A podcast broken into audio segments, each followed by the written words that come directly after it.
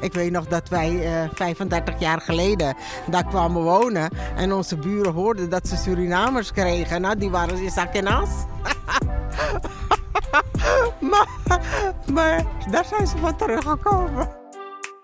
Welkom bij de podcast Straatgesprekken in Horen. Een vijfdelige podcastserie waarin we jou de stem van de straat laten horen. Deze podcast is gemaakt in het kader van Stadsgesprekken 2021 seizoen 1. Kijk en luister online met ons mee via hashtag SGHoren. Wouter, aflevering 4 vandaag. Waar gaan we het over hebben? Ja, Joost, inderdaad. De ene laatste aflevering alweer. Vandaag staat dus de vraag staat centraal: wie verdient er meer aandacht in horen? Wie verdient er meer aandacht in Horen? Goeie vraag. En volgens mij gaan we het ook hebben over ehm, met wie houden we bijvoorbeeld te weinig rekening in Horen? Of wie, er, wie wordt er echt gewaardeerd? Zijn dat bijvoorbeeld echt mensen? Of zijn het misschien wel verenigingen die heel erg centraal staan en waar de mensen samenkomen? Ja, wat nu in de huidige tijd natuurlijk veel in het nieuws en in de aandacht is, is de aandacht die we moeten hebben voor het zorgpersoneel bijvoorbeeld. Ik denk dat die vandaag wel voorbij gaat komen. Ik ben heel benieuwd hoe dat gaat uitpakken. Laten we zo divers mogelijk insteken vandaag. Let's go. Wie verdient er meer aandacht? Zo, goedemorgen. Goedemorgen. Hoe heten jullie? Eh, ik ben Kiano en eh, En ik ben die Sandro. In jouw omgeving, hè? In, jouw, in jouw vriendenkring, eh, je familie, in je buurt, eh, op school. Heb je veel verschillende mensen om je heen? Ja, heel veel. Ehm, ik heb een vriend van me. Die is ehm, half Surinaams, half Antilliaans. Hij is 14 jaar. En ehm, hij en ik hebben al sinds dat we vier jaar zijn, hebben hij en ik al contact samen. En waarom vind je het belangrijk dat jullie vrienden zijn, dat jullie contact hebben? Nou, het geeft toch wel de- het gevoel dat je niet alleen bent. Dus Ja. dat je altijd iemand om je heen hebt staan die altijd met je kan praten over dingen en zo. nou, ik vind eh, vertrouwen heel belangrijk. Dat ik mijn vrienden kan vertrouwen. Bijvoorbeeld, eh, ik zeg iets, maar dat moet geheim blijven. Dat ik dan op hem kan rekenen. Ja. En hoe zit het bij jou? Heb jij ook veel verschillende mensen om je heen? Ehm, nou, ja, hij is Antilliaans en voor de re- ik heb heel veel Nederlandse vrienden. Hoe hebben jullie elkaar leren kennen? Waar was dat? Ehm, nou, hierachter, daar zit de praktijkschool. De, Ja. We zitten in het eerste, brugpieper dus. en eh, toen, ja, toen zijn we vrienden geworden. Waarom, waarom zijn jullie zo goede ehm, vrienden? Toch, we zijn allebei an- van andere culturen komen, van andere afkomst. Maar ik leer zelf ook bijvoorbeeld van de Nederlandse cultuur, leer ik meer van hem en zo. En hij leert ook weer van mij van de Antilliaanse cultuur. Dus dat vind ik ook wel belangrijk, dat je ook meerdere ehm, culturen als vrienden hebt. Dus Ja, ja, dat vind ik wel belangrijk. Ehm, ik leer wat van hem en hij leert ook weer wat van mij. ja, precies. Zo, En wat eh, leer jij van de Antilliaanse cultuur en waarom vind je dat Hoe belangrijk om dat te daar leren? al gaat. Dus eh, ja, hoe dat eh, bij de families gaat, wat daar gebeurt. eh. ja. Noem, noem eens iets, wat, wat je dan leert. Ehm, ze zijn daar eh, wel, eh, als je iets doet, je, krijgt, eh, je wordt wel eh, gauw gestraft. En waarom vind je dat belangrijk om te weten? Nou, dat lijkt me nog wel zeer doen als je bijvoorbeeld een bamboestok op je kont krijgt. Ja, een mooi stuk van deze twee brugpiepers die we spraken in eh, winkelcentrum De Kersenbogert. En ik vond het mooi dat ze het hadden over vertrouwen, maar ook het gevoel dat je niet alleen bent, dat dat voor hun aandacht is. Maar ook eh, dat ze aandacht hebben voor elkaar interesses natuurlijk, maar ook voor de cultuur waar ze allebei vandaan komen, de verschillende culturen en hoe dat dan thuis eraan toe gaat. En, en eh, wat zijn eh, misschien wel eh, bepaalde mensen of groepen die u erg waardeert hier in Horen? Ja, ik, ik vind het verenigingsleven hier in Horen erg goed geregeld. En daar zetten een heleboel mensen zich voor in, anders dan is ook niet te halen. Ik zit niet bij een vereniging, maar ik heb kleinkinderen die voetballen. Ja, ja maar dat is, is algemeenheid. En dat vind ik hier ook het leuke in Zwaag en Blokker. Als je op straat loopt, kan je elkaar nog groeten. Op, er zijn ook zatplekken. De groeten eh, en eh, bij wijze van spreken leuk voor je hoofd krijgen. En, en wat zijn die, die plekken die- waar u het gevoel heeft dat, dat, dat het wat minder gemoedelijk is? Ja, als je wat meer in de stad komt, in Horen, daar, daar lopen ze allemaal langs elkaar heen. Dus eigenlijk heeft u het gevoel dat in, in de wijken rondom om Horen, om het centrum heen, het eigenlijk gemoedelijker is. Dat we elkaar wat beter kennen, elkaar wat meer aanspreken. Nou, je hoeft elkaar niet te kennen, maar je kan wel vriendelijk tegen elkaar zijn. En ja, dat mis je dan als je wat meer in de stad komt of in een grote stad. Ga eens naar Amsterdam, dan lopen ze allemaal langs elkaar heen. Ja, Wouter, heb je hem al, hè? de verschillende plekken en minder aandacht. En het lijkt wel, zoals ze aangaf, van in Blokker hebben we dus meer aandacht voor elkaar als in het centrum. Hij trekt het nog groter dan bijvoorbeeld de grote stad als Amsterdam. En je zou eigenlijk kunnen concluderen, hoe meer mensen en hoe groter de stad eigenlijk, hoe minder aandacht voor elkaar. Ja, dat klopt. En dat is het perspectief van deze man. Zo spraken we eerder deze week ook al een dame uit uh, Horen. Die juist zei van nou, in Horen Centrum gebeurt het groeten ook nog volledig. En zo kun je natuurlijk ook iemand in Amsterdam spreken die dit weer anders ervaart. Maar inderdaad, deze man geeft aan uh, dat in Blokker het groeten en het aandacht hebben voor elkaar nog erg uh, hoog in het vaandel staat. En dat, dat waardeert hij. Wie of wat vind jij nou echt belangrijk en wie waardeer je echt in jouw omgeving? wie ik waardeer? Ja, mijn vrienden en mijn familie eigenlijk vooral. ja. ja. Je, dat is je kleine kring. En als je daar iets verder omheen kijkt, zie je bijvoorbeeld uh, groepen of verenigingen in je omgeving waar je echt, uh, die je echt belangrijk vindt, die je niet zou kunnen missen.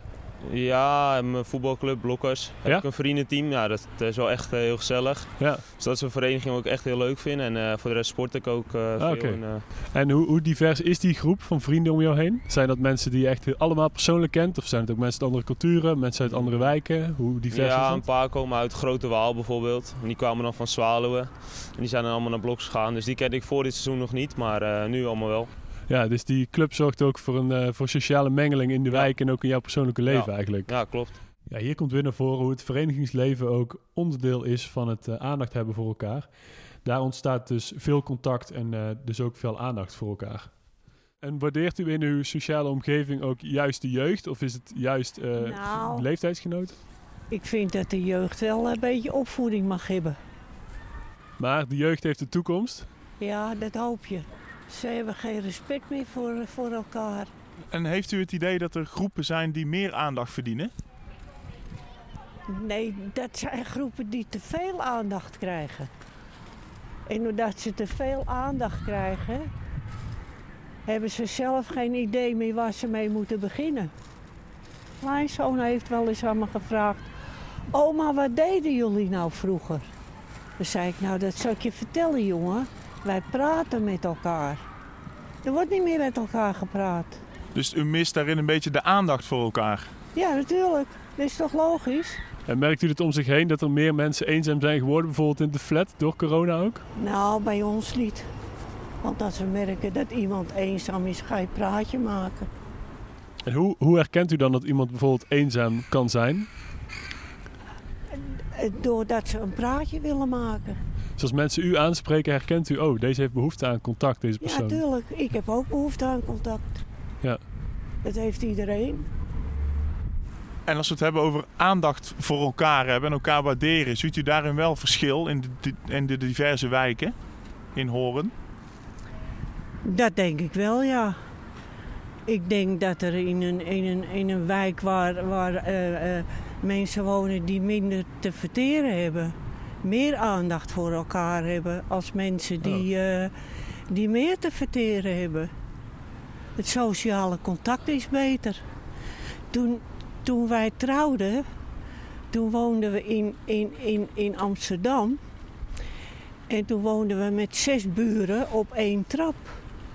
En als er dan één ziek was, dan ging je boodschappen doen. Dan ging je contact maken, want er, er moest voor gezorgd worden. Maar dat heb je nu toch niet meer. Ja, deze dame stelt, eh, hoe minder je te verteren hebt, hoe meer persoonlijke aandacht er is en hoe meer zorg voor elkaar. Nou, wat ik heel fris vond aan haar antwoord, is dat ze hem eigenlijk omdraait. Dus wij hebben het over, zijn er groepen die meer aandacht eh, verdienen? En zij zegt eigenlijk, nou, ik denk dat er ook wel groepen zijn die wat minder aandacht verdienen. De jeugd. Ze noemt de jeugd inderdaad. Laten we even verder luisteren. Wie of wat verdient er nou meer aandacht in Hoorn? De wijk Kersenbogen verdient wel eh, heel veel aandacht, vind ik zelf. Waarom? Omdat het een, een beetje achteruit gaat. Ehm, ik vind ook dat de wijk Kersenbogen het meer voor jongeren kan doen. En zodat de buurt er weer beter op gaat worden. Zegt eigenlijk, die, die jongeren verdienen ook meer aandacht? Ja, de Eh, jongeren ook. Want er is heel veel eh, overlast van jongeren hier in de buurt. Omdat ze geen hangplek hebben of wat dan ook. Dus ja, hopelijk eh, in de toekomst komen er meer hangplekken voor ze. Ja, zo hoor je in het ene fragment dat, eh, dat er minder aandacht voor de, voor de jeugd moet zijn. En hoor je in de kersenbogert vervolgens dat er weer meer aandacht moet zijn voor de jeugd. Er zijn de verschillende, verschillende perspectieven in de wijk. Nou, er, zijn, er zijn hier heel veel eh, Verschillende soorten afkom- afkomst ook. Ik denk dat het ook de grootste wijk is met de meeste eh, verschillende afkomsten. Wij Nederlanders zijn vaak heel erg gauw zeurderig, om het zo maar te zeggen. En dan kun je toch merken bij de Marokkaanse ma- nationaliteit of de Turkse nationaliteit... dat die mensen niet echt heel veel over elkaar, over elkaar klagen. En dat die toch eh, qua koken en dat soort dingen toch meer openstaan voor elkaar. Een Hollander is gauw van eh, het is vijf uur, het is etenstijd, de deur gaat dicht. En bij de andere mensen, die, die ik vind, eh, mijn mening is, die staan er toch meer open voor bepaalde dingen. Je ziet het nu als je loopt of je kijkt hier op straat. Ja, mensen zijn allemaal, ja, ze zeggen bijna elkaar nu geen gedag ook meer, weet je. En Ze gaan met een, een boog om je heen alsof je bijna malaats bent. Maar ja, dat zal denk ik met die corona te maken hebben. Kijk, eh, het zou misschien geen gek idee zijn om daar af en toe eens eh, één keer in de maand een soort koffiekar, eh, ontmoetingspunt, verzamelpunt. Mensen kunnen ideetjes op papier schrijven. Geef die mensen een gratis bakje koffie. Dat ze niet echt een gebouw in hoeven, net zoals het Betsy Perk. Maar dat je gewoon ontmoetingsplekken op straat maakt. Dat zou ook een, een eye-opener zijn, denk ik. Dus deze man zegt eigenlijk dat verschillende culturen ook maken dat mensen meer open naar elkaar gaan staan. Zo gaat bij Nederlanders om vijf uur de deur dicht, waar die bij andere culturen juist eh, veel verder open gaat staan zodra het eten, dat moment op de dag, dat moment voor aandacht voor elkaar, veel centraler staan. En dat komt dus samen in de kersenbogert, geeft hij aan. Ja, en het speelt daar absoluut. Want het was ook al een voorbeeld wat de jonge jongens, de brugpiepers, aandalen eh, in, in het begin, het eerste deel van de podcast. Ja. Want de brugpiepers die gaven inderdaad aan dat ze kunnen leren van elkaars culturen. Ja, dus onder andere het openstaan naar elkaar en het aandacht geven van elkaar. Ehm, ja, het is best wel een wijk met, met veel eh, nationaliteiten hier. Ehm, ja, ik, ik, ik ken discriminatie niet. Ik ken wel mensen die elkaar pesten, maar echt discriminatie ken ik niet. En het mooie voorbeeld is, eh, hier verderop zit een school en daar komen op een gegeven moment vier kinderen naar me toe van drie nationaliteiten met armen om elkaar heen. Jaar of twaalf. Dan speelt het ook niet. Dus, dus er gaat wat fout in de maatschappij waardoor dat komt. Ja, Dat denk ik. Nou, wat ik, wat ik wel ervaar hier, en dat, moet ik echt eh, de, de gemeente een eh, pluim geven, is dat ik, ik vind dat er best eh, veel georganiseerd wordt in, in Horen. Ik doe zelf mee met een wandelgroep, wat vanuit Horen wordt georganiseerd. Dus, dus er is best wel, best wel veel dingen. Misschien te weinig voor de jeugd. Nou ja, dan ga je terugkijken naar je eigen jeugd en ik zie hier weinig. Ik, ik zie geen, geen clubhuizen echt. Misschien zijn ze er wel, maar ken ik ze niet. Ehm, ja, er is ook niet echt een uitgaansgelegenheid hier in, eh, in, in, deze, in deze buurt. Of dat te maken heeft met overlast, dat weet ik niet. Dat zal misschien ook wel een reden voor zijn. Maar dat soort dingen, dat, eh, ja, dat, dat mis je wel. In dit voorbeeld wordt opnieuw aangegeven dat er misschien wel te weinig aandacht is voor de jeugd, of misschien te weinig te doen is voor de jeugd. En in het volgende fragment horen we een jongen van 24. Kijk hoe hij er tegenaan kijkt. Is er momenteel voldoende aandacht voor de jeugd in de Kersenbogert? Wie verdient er nou meer aandacht in deze wijk? Oh ja, dat is een hele lastige vraag, ja. nou ja, ook, ook oudere mensen, denk ik. Ja? Die, eh, Eh, hoe oud ben je zelf, als ik vragen mag? eh, ik ben 24. 24, oké. Yes. En zit je hier op school ook bijvoorbeeld? Oh nee, ik zit niet meer op school. Ik ben nu een fulltime uh, de werken nu, dus... Oké. En waar, waar, haal jij, waar heb jij sociale contacten voornamelijk zitten hier? nou ja, oh, meestal, oh, meestal ja, op mijn werk natuurlijk. Ja. En eh, ook, ook voor de rest niet, nee. Want het is nu eh, het is een de coronatijd natuurlijk. Dus qua sociale dingen, dat doe ik niet zo Nee. vaak mee. mee. En, voor de coronatijd heb je naast je werk ook andere plekken waar je mensen ontmoet? Oh ja, hoor, gewoon af en toe ook bij mijn vrienden. Of ja, af en toe de uit eten, zo- dat is ja, sociaal voor mij, maar ook voor de rest niet. Nee. Nee. En waar leer jij nieuwe vrienden kennen? Zijn Ja, dat is een goede vraag. Nou ja, oh, ik zal heel, heel, heel eerlijk zijn, ik leer oh, op dit moment oh, de geen nieuwe vrienden. Nee. Nee.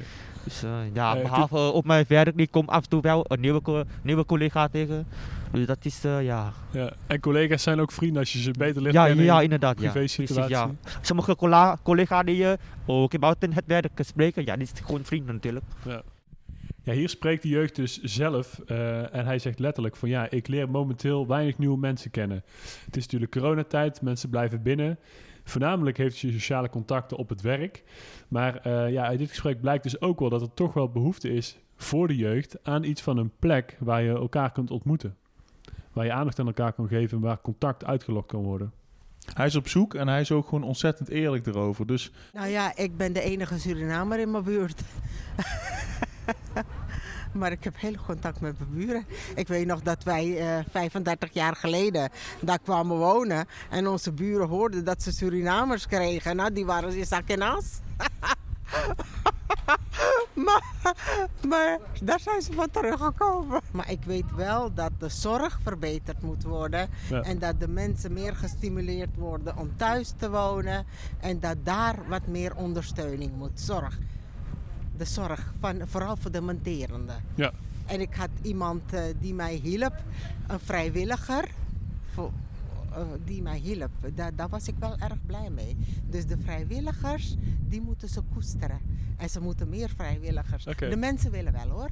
De mensen willen wel. Maar ze moeten wel goed benaderd worden. Toen mijn man thuis woonde, eh, twee vrijwilligers. En die hebben me ontzettend veel geholpen. En bent u daardoor zelf misschien vrijwilliger geworden? Ik, ben, ik werk nog. Ik werk in het ziekenhuis, dus ik werk nog. En ik werk de avonddiensten. Dus vandaar, dat, dat doe ik wel. Oké. Maar als ik met pensioen ga, dan ga ik dat zeker doen. Dat heeft u geïnspireerd, die mensen die iets voor u hebben gedaan. Nou ja, ze hebben me zo geholpen. Nou, dit is een heel persoonlijk verhaal van dus iemand uit de zorg eh, waarvan de man dementerend was. En die is dus enorm goed geholpen door vrijwilligers. Dus in dit geval geeft zij aan, meer aandacht voor vrijwilligers, daar is eh, veel behoefte aan. Ja, Wouter, ik vind het bijzonder eigenlijk eh, hoeveel verschillende vormen we van aandacht hebben gehoord. We hebben het over de verschillende wijken gehad, maar ook over de jeugd die meer aandacht verdient in de kersenbogert. De ouderen, waar misschien al eenzaamheid kan spelen, maar ook de verschillende culturen waar we, waar we meer aandacht eh, eh, voor moeten hebben. Ja, inderdaad, al met al een enorm divers thema met uiteenlopende onderwerpen. Ik wil de luisteraars ook oproepen, als jullie nou een goede idee hebben over wie er meer of minder aandacht verdient in Horen, praat gerust met ons mee in deze stadsgesprekken en dat doe je online via hashtag SGHoren. Deze podcast is gemaakt in het kader van Stadsgesprekken 2021, seizoen 1. Leuk dat je luisterde en tot horens in de volgende aflevering.